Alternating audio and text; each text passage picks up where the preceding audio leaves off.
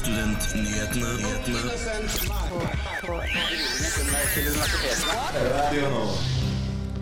og velkommen til Studentnyhetene, den vakreste timen her på Radio Nova.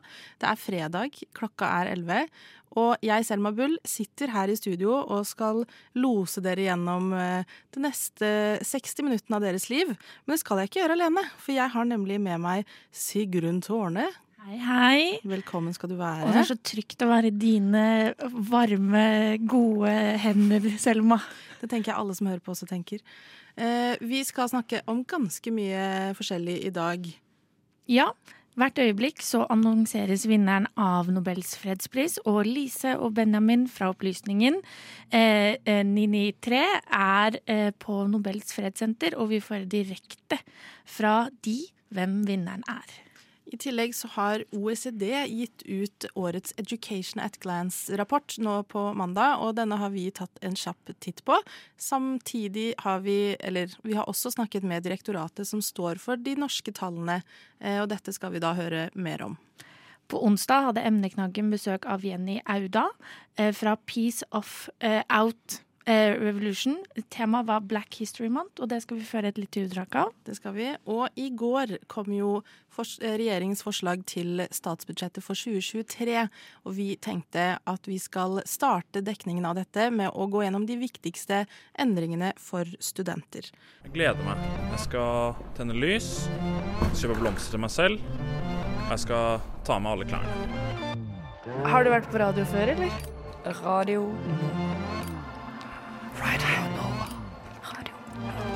Radio Nova. Vi er nyhetsprogrammet.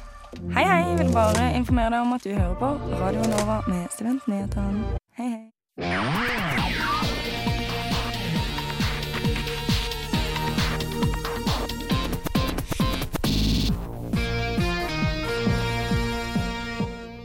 Forslag til statsbudsjettet kommer det frem at regjeringen ønsker å innføre skolepenger for studenter som kommer utenfra EØS og Sveits. Forslaget vil ikke innebære utvekslingsstudenter. Sverige og Danmark har per nå en lik løsning. Forskningsrådet blir kuttet med 8,4% i det nye forslaget eh, til statsbudsjett. Tidligere har Ola Borten Moe gått ut og krevd endringer i forsker Forskerrådet og dens oppbygning. Stortinget sitt presidentskap eh, vedtar å spare strøm fremover. De skal derfor senke gradene fra 20 til 22 grader til 19 til 20 grader for å spare strømmen. I tillegg vil bl.a. badestuen også bli stengt, og utebelysningen og gatefarmen utenfor Stortingets bygg vil bli redusert. Dette var ukens nyhetsoppdatering, og mitt navn er Sigrun Tårne. Har dere Senterpartiet glemt studentene når dere skrev deres valgprogram for Oslo? Altså, mulig, men Studentnyhetene. Vi er nyhetsprogrammet av og med studenter. Hver fredag fra 11 til 12 på Radio Nova. Der hørte du bekjente av Aksel Rosén. Og vi har nå med oss eh, Benjamin og Lise fra Opplysningen. Hallo. Hallo, hallo, hallo til dere. Vi er jo veldig spente, for dere er jo på Nobels fredssenter og har vel akkurat fått vite hvem som er vinneren av årets fredspris. Det har vi. Jeg kan veldig eh, kjapt eh, avklare at det er Alias eh, fra eh, Belarus, eh, den russiske menneskerettighetsorganisasjonen Memorial, og Center for Civil Liberties, eh, basert i Kyiv. Så dette er da eh, en pris som går til eh, representanter for eh, det sivile samfunnet i både eh, Belarus, Russland og Ukraina i år. Er ikke dette en kandidat som har vært eh, en slags favoritt de siste årene, egentlig? Stemmer det? Ja, altså eh, jeg kan si Det var stor, eh, stor spenning knyttet til om det ville være en, eh, et signal, prisen, om den ville gå til eh, noe forbundet med eh, da, eh, urolighetene og eh, autoritære styremakters fremgang i det tidligere Sovjetunionen. Så dette er nok ikke en eh, kjempeoverraskelse for mange eh, i forbindelse med eh, hva som eh, har utspilt seg i år, da, i eh, 2022, med denne fullskala krigen i eh, Ukraina. Og hva vil det egentlig si for befolkningen i både Ukraina og, og Hviterussland, og Russland for så vidt, at prisen går til akkurat denne personen? Eh, ja, altså den prisen her går til eh, all, først og fremst all, Alice Bialetski, men også disse to andre eh, representantene. Dvs. Si, altså to organisasjoner. Det er en, et enkeltindivid og da en, en et enkeltindivid som da sitter buret inne, som er da en representant for den si, demokratifremmende delen da, av det belarusiske samfunnet. jeg tror nok det er veldig mange som er glade på eh, eh, ja, i, i, territoriene som er den tidligere Sovjetunionen. Jeg tror det er mange som er svært eh, fornøyde der med eh, årets eh, Nobels fredspris. Hvem andre er det som har vært eh, favoritter til å få prisen i år? I år har det vært mye forskjellig. Det har vært snakk om at det kunne ha vært andre organisasjoner som F.eks. ulike FN-programmer, Verdens matvareprogram eller uh, ja, ulike uh, Nå må jeg fra toppen av hodet huske om de har fått fredsprisen før. Men i minste fall vært ganske usikkert. Mange kandidater, mange navn. Det har vært snakk om Harsh Mander fra India og hans arbeid med Caravan of Love for å bekjempe eh, religiøst eh, motivert eh, vold i India bl.a. Men at den går nå til Øst-Europa og så desidert grensesprengende da, mellom Belarus, Russland og Ukraina, er jo ganske markant og ganske spesielt. Det har jo også vært snakk om ulike hva skal jeg si, klimabegrunnelser til å, til å dele ut prisen. Eh, hvor er det overraskende at den går til dette formålet som den gjør nå, og ikke til klimasaken f.eks.? Jeg tror nok med alle eh, utdelingene av Nobels fredspris, så er det noen som vil være eh, Altså noen får den, og så er det andre som ikke, som ikke får den. Andre saker, andre Eh, problemstillinger, tematikker, som ikke eh, får eh, prisen for denne gang. når det er sagt, så er det jo Nobels fredspris utdeles jo i praksis hvert år. Det er det som er kutymen. Det har jo hendt at man har droppet å levere og utdele en Nobels fredspris ja, i, et, år. Det har skjedd før, men det er ganske lenge siden sist gang.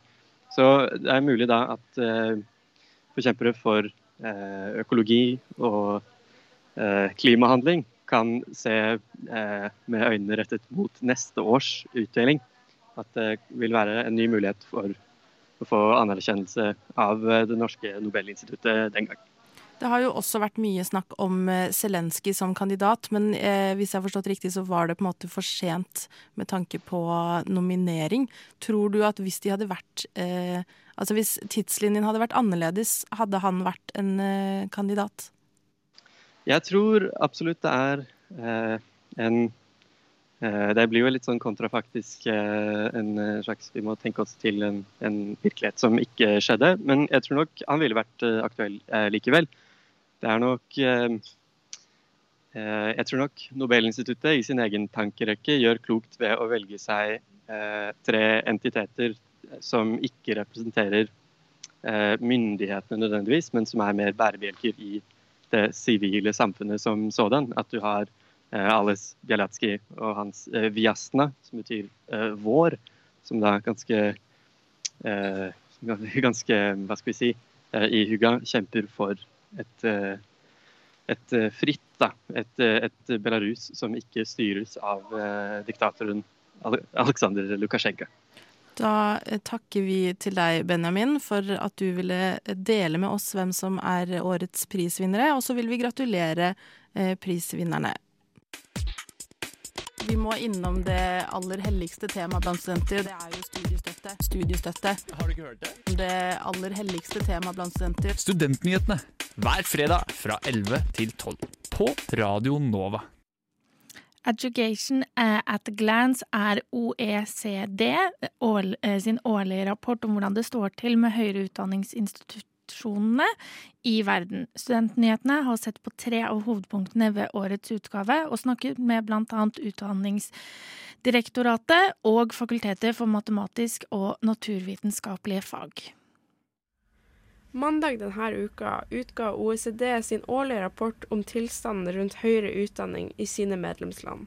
Education at a glance heter den, og tre av hovedfunnene skal jeg nå ta for meg her i denne lille reportasjen. En av de første tingene som kommer fram av rapporten, er at andelen nord nordmenn i alderen 25 til 35 år med høyere utdanning har økt fra 35% til 55% siden år 2000. Seniorrådgiver Hanne Størseth ved Direktorat for høyere utdanning, som også har jobba med Norges tall i denne rapporten, peker på ei forklaring. Det er samfunnsutvikling. Altså, du kan jo tenke På 70-tallet så var det vanlig å ha husmødre eh, i deler av landet. Eh, vi har en helt annen velferdsstat. Eh, vi har en helt annen teknologi. Det er veldig mye som har endra seg, rett og slett. Altså, mm. Olja kom til Norge på 70-tallet. Vi var et fattig mm, bonde- og fiskerland. Eh, det er jo ikke lenger.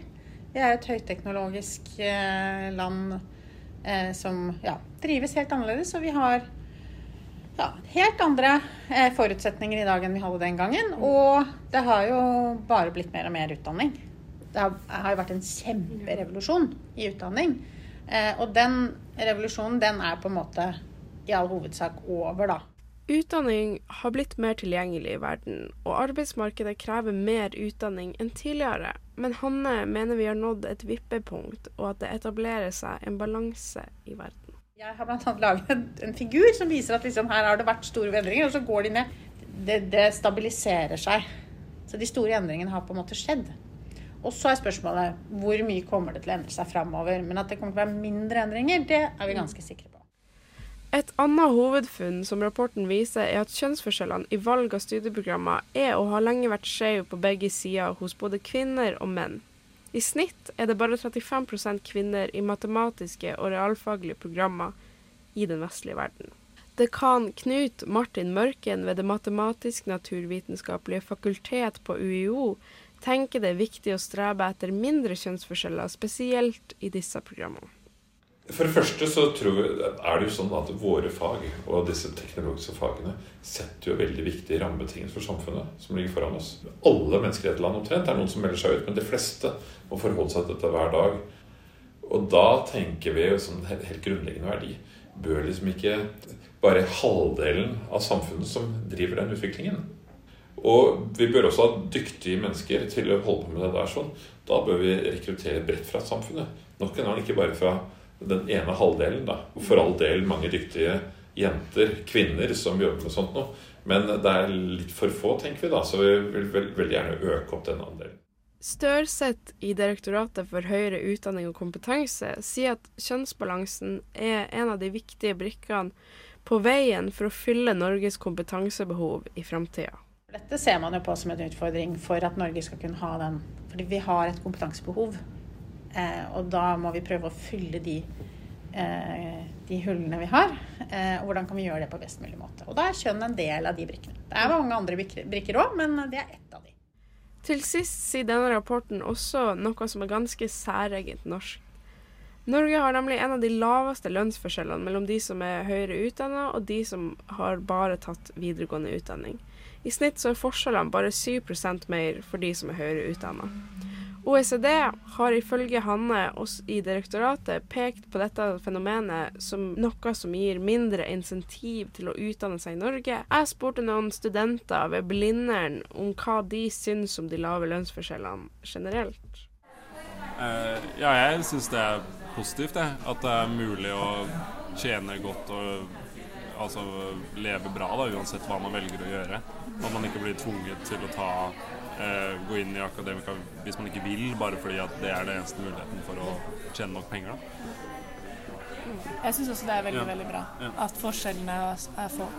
For det er jo ikke sånn Man kan gjøre en enormt god jobb uten å ha høyere utdanning også. Den nordiske modellen, som har lite spredning i lønnsskalaen, må forstås som en villa politikk i Norge. Størseth mener at dette også er noe som tjener oss som samfunn ganske godt. Eh, det er veldig mye forskning som tilsier at det at vi ikke har så stor spredning, er et gode for oss når det kommer til sjuende og sist. Altså Hvis man ikke bare ser på liksom individet og hva det tjener, men hvordan eh, eh, tjener det oss som samfunn og det at vi er i et samfunn som er velfungerende. Og pandemien for eksempel, viser jo også at vi klarte oss godt. Og det er mye av dette. som gjør det. Oppsummert er det ikke overraskende funn i årets Education at a Glance-rapport. Men rapporten viser langsiktige endringer som peker oss i retning mot et mer kompetent samfunn, som fortsatt har noen kjønnsmessige kompetanseutfordringer. Takk til eh, Knut Martin Mørken ved UiO, Hanne Størseth i Direktoratet for høyere utdanning og kompetanse, og studentene i kafeen på Blindern. Reporter i denne saken var Ingrid Karoline Karlsen. Flere studenter venter akkurat nå. Og vi ønsker jo ikke at det skal være sånn. Så vi håper dette her bidrar til å gi alle studentene en trygg og god start på fredagen. Tusen takk for at du har hørt på Studentnyhetene. Nå er vi ca. en uke inn i oktober, og det betyr at vi også er en uke inn i Black History Month. Eh, og på onsdag hadde emneknaggen besøk av musiker Jenny Ayunda fra Peace Out Revolution. Eh, hun var der for å snakke litt om markeringen og hva Peace Out Revolution er. Her skal du få høre et lite utdrag. Eh, emneknaggen. Emneknaggen. Debatt? Hva skal jeg si nå? Disputt. Debattforum. Argumentasjonsrekke. Diskusjon. Emneknagg.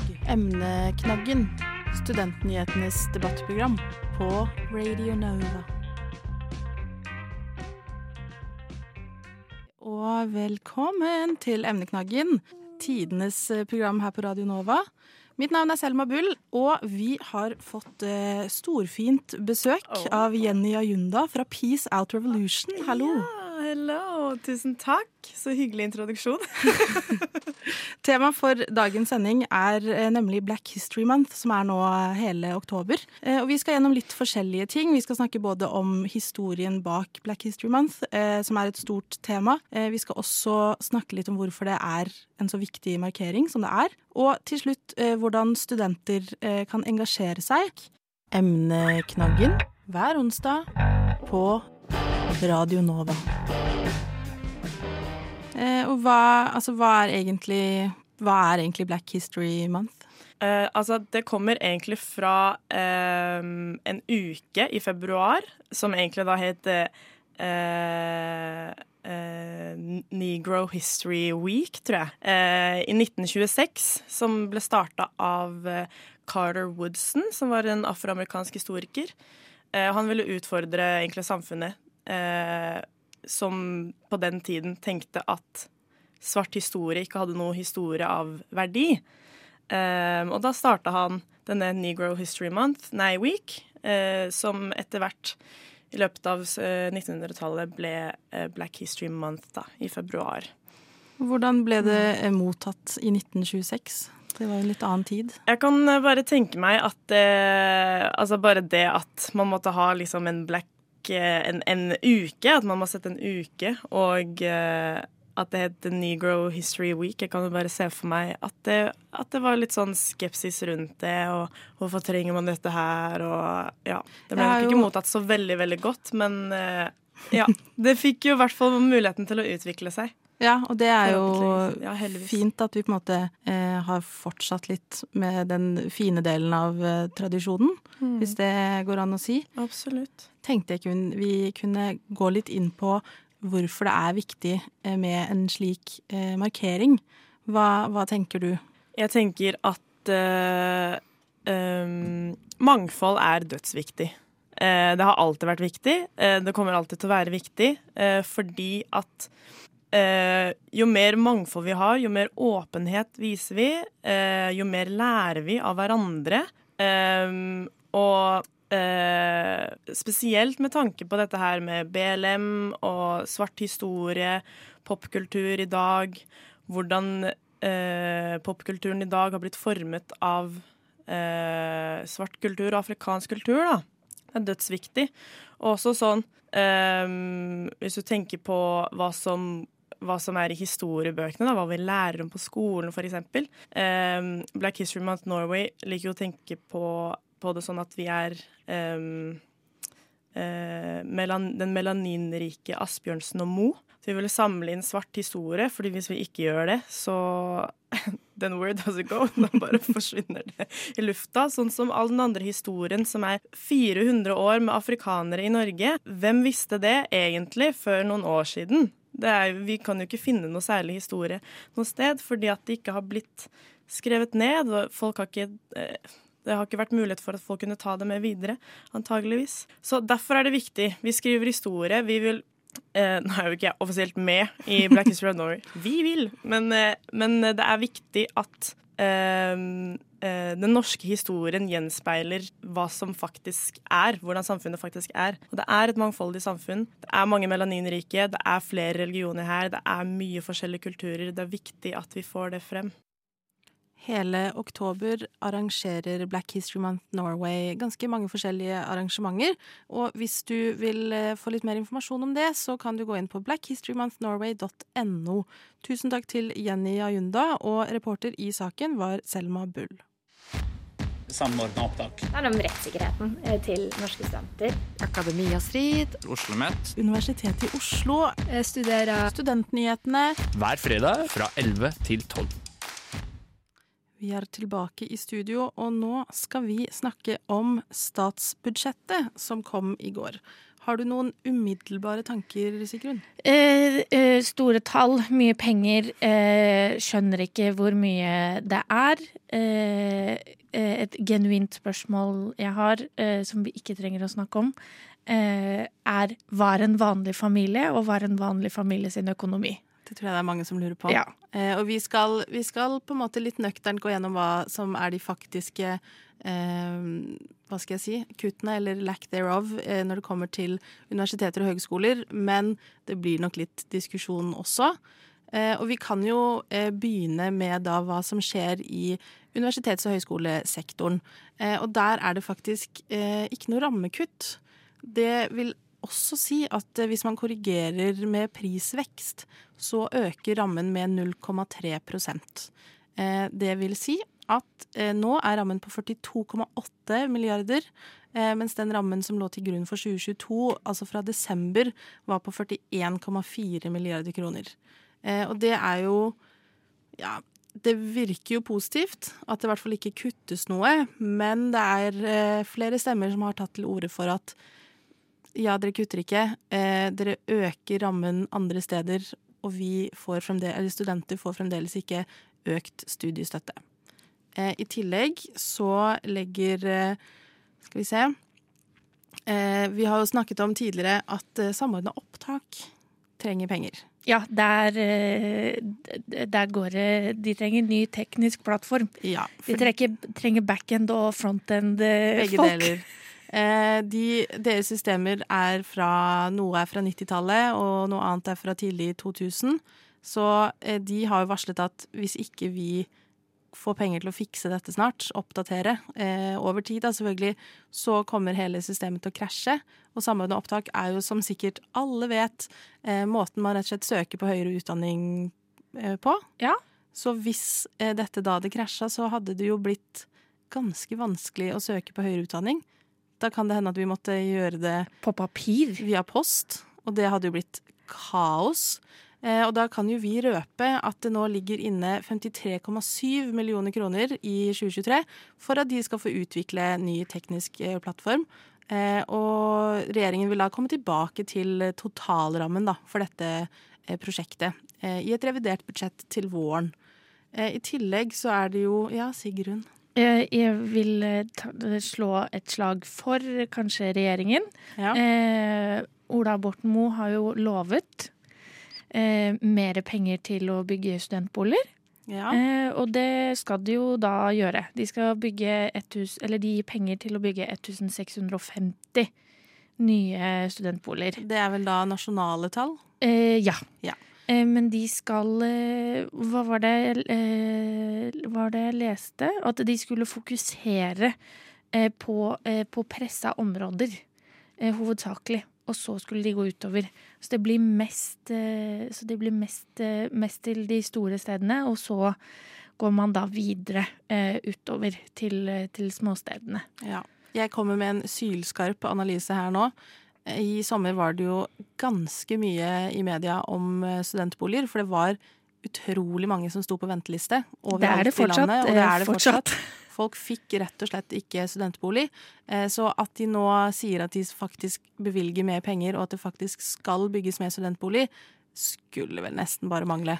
Ja ja, det jo, han innfrir jo bare på eh, Altså, Ja. Moe innfrir jo bare på noe han har, eh, har lovet. Både løfter i valgkampen og i Hurdalsplattformen. Så, så de bare følger det de har sagt at de skal gjøre? Ja, og det er jo vel så bra det. Det er jo ikke alltid det skjer.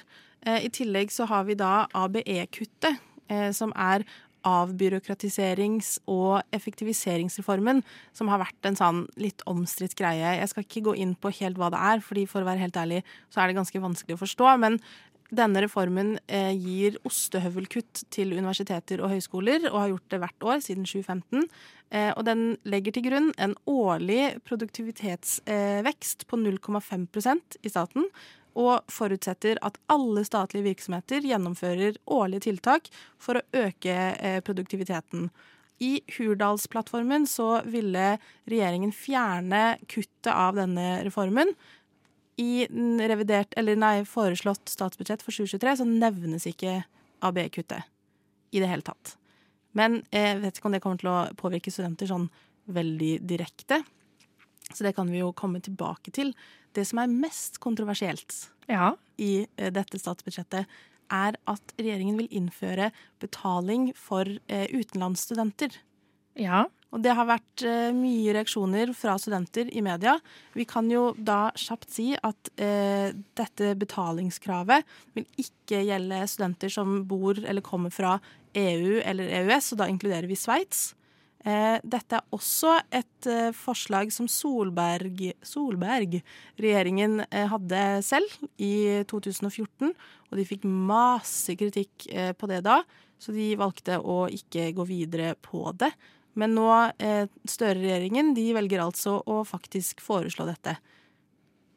Og da var det som eh, vi tidligere snakket om i eh, nyhetsoppdateringen, det er jo da at det, det gjelder for de som tar hele graden sin eh, i Norge. Eh, ikke, ikke kun eh, utvekslingsstudenter. De skal fortsatt kunne komme og eh, studere gratis, sånn som vi studerer gratis. Ja, og det, f- jeg føler jo at eh, de har jo lagt veldig vekt på, når de argumenterer for dette, at det ikke vil gjelde studenter fra EU og EØS, og da også Sveits, som jeg syns er litt sånn tullete å bruke som et argument, for det, det kunne de egentlig ikke gjort uansett, i og med at Norge er en del av EØS. Eh, så kan ikke vi be studenter fra EU og EØS om å betale, fordi at det går mot prinsippet om fri flyt. Så det er på en måte ikke et valg de egentlig hadde. Ja, for det lærte du meg eh, når vi har Ja. tidligere diskutert. Det, det, jeg tenkte at det var eh, at eh, vi, så, vi får lov å studere eh, gratis hos de, eh, der hvor man kan studere gratis. Og så får de lov å komme til oss. Jeg trodde det var en sånn egen avtale vi hadde, men da lærte du meg at nei, Sigrun, det er dypere enn som så. Ja, eh, vi er bundet av ganske mye gjennom dette EØS-samarbeidet. Og eh, jeg tør å påstå at hvis regjeringen nå hadde sagt at alle fra hele altså alle som kommer fra EØS og EU må betale for å ta en hel grad her, så hadde eh, unionen sagt hva er det dere driver med? Det kan dere faktisk ikke gjøre. Um, og så Ja, det har jo vært mye reaksjoner her nå. Eh, studenter, er de glad, eller er de sure, Sigrun? Eh, de er vel sure, eh, men eh, jeg vil vel si at jeg Altså, jeg tror vi er litt uenige her, Selma. Tror du det? Ja. Jeg tror du er sur. Eh, jeg tenker ja ja, få gå. Eh, mer penger inn i statskassa, har jeg tenkt. Jeg, jeg forstår ikke hvor stort problem det er, og jeg tenker at Sverige og Danmark har det, og de har spart slash tjent litt penger på det. Um, og eh, ikke, og det er et farlig farvann jeg merker at jeg går ut på nå, at det fort kan bli eh, altså ikke greit. Eh, men nei, men jeg tenker at det kan være positivt. Ja, så jeg, her er det, liksom, det er liksom tosidig. Jeg syns jo det er litt rart.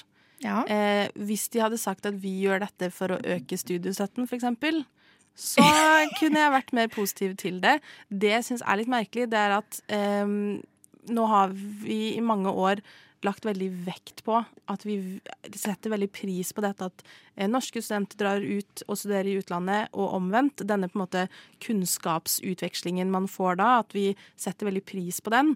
Og at vi legger opp til at vi vil at eh, studenter skal gå på, dra på utveksling, f.eks. Og det snakkes om at vi skal, istedenfor at du må aktivt melde deg på utveksling når du begynner å studere, så må du aktivt melde deg av, fordi at vi har så lyst på denne hva skal jeg si, eh, reisingen da, eh, mellom, på tvers av landegrensene. Da syns jeg det er litt rart at vi plutselig skal ta betalt eh, og gå mot det gratisprinsippet som står så sterkt i norsk utdanning.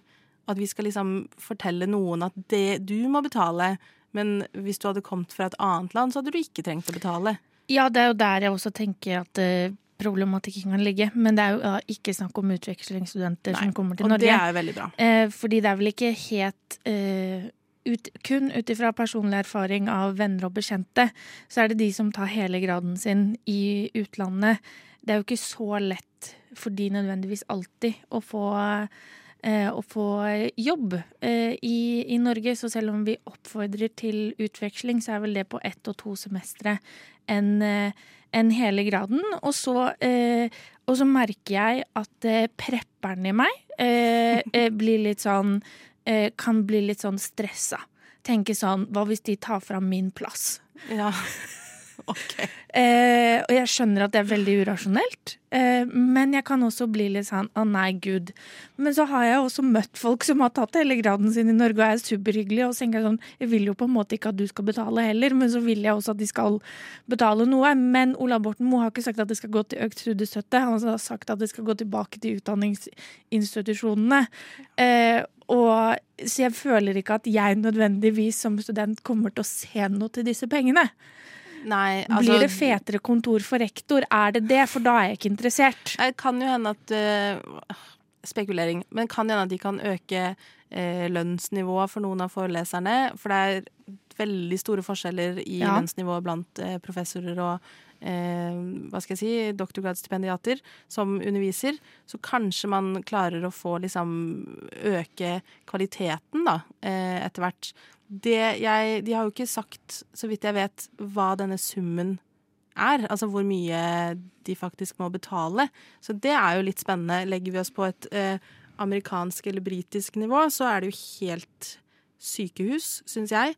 Eh, eller legger vi oss på samme nivå som Sverige og Danmark, som er litt mer eh, overkommelig? Det er jo spennende å se. Og vi kommer nok til å snakke mer om dette her i Studentnyhetene.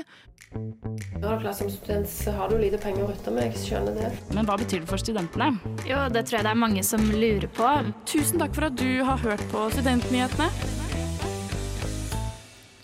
Vi nærmer oss eh, sakte, men sikkert slutten på denne vakre sendingen vi har hatt her i dag.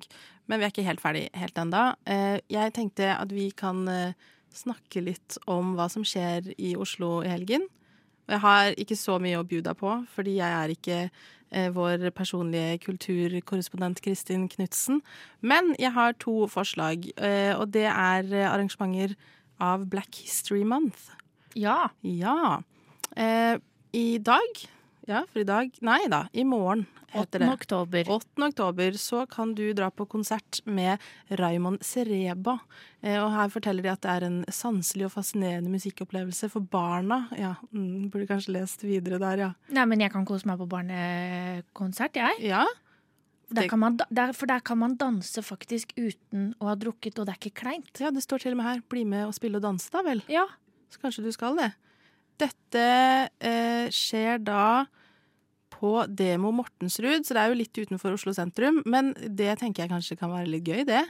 Er litt av tur. Litt av utflukt. Kanskje, eh, eh, kanskje finne noen barn å ta med, hvis du Oi sann. Jeg tror vi avslutter der, Sigrun. Det jeg mener, det er at hvis du kjenner noen barn Ja, det var mye bedre. eh, Hvis du kjenner noen barn, eh, så tror jeg de fleste foreldre kanskje hadde blitt litt glad hvis Ja. du hadde spurt Hei, kan jeg ta med eh, deres barn på denne konserten? Mm. Eh, og så får de foreldrene fri.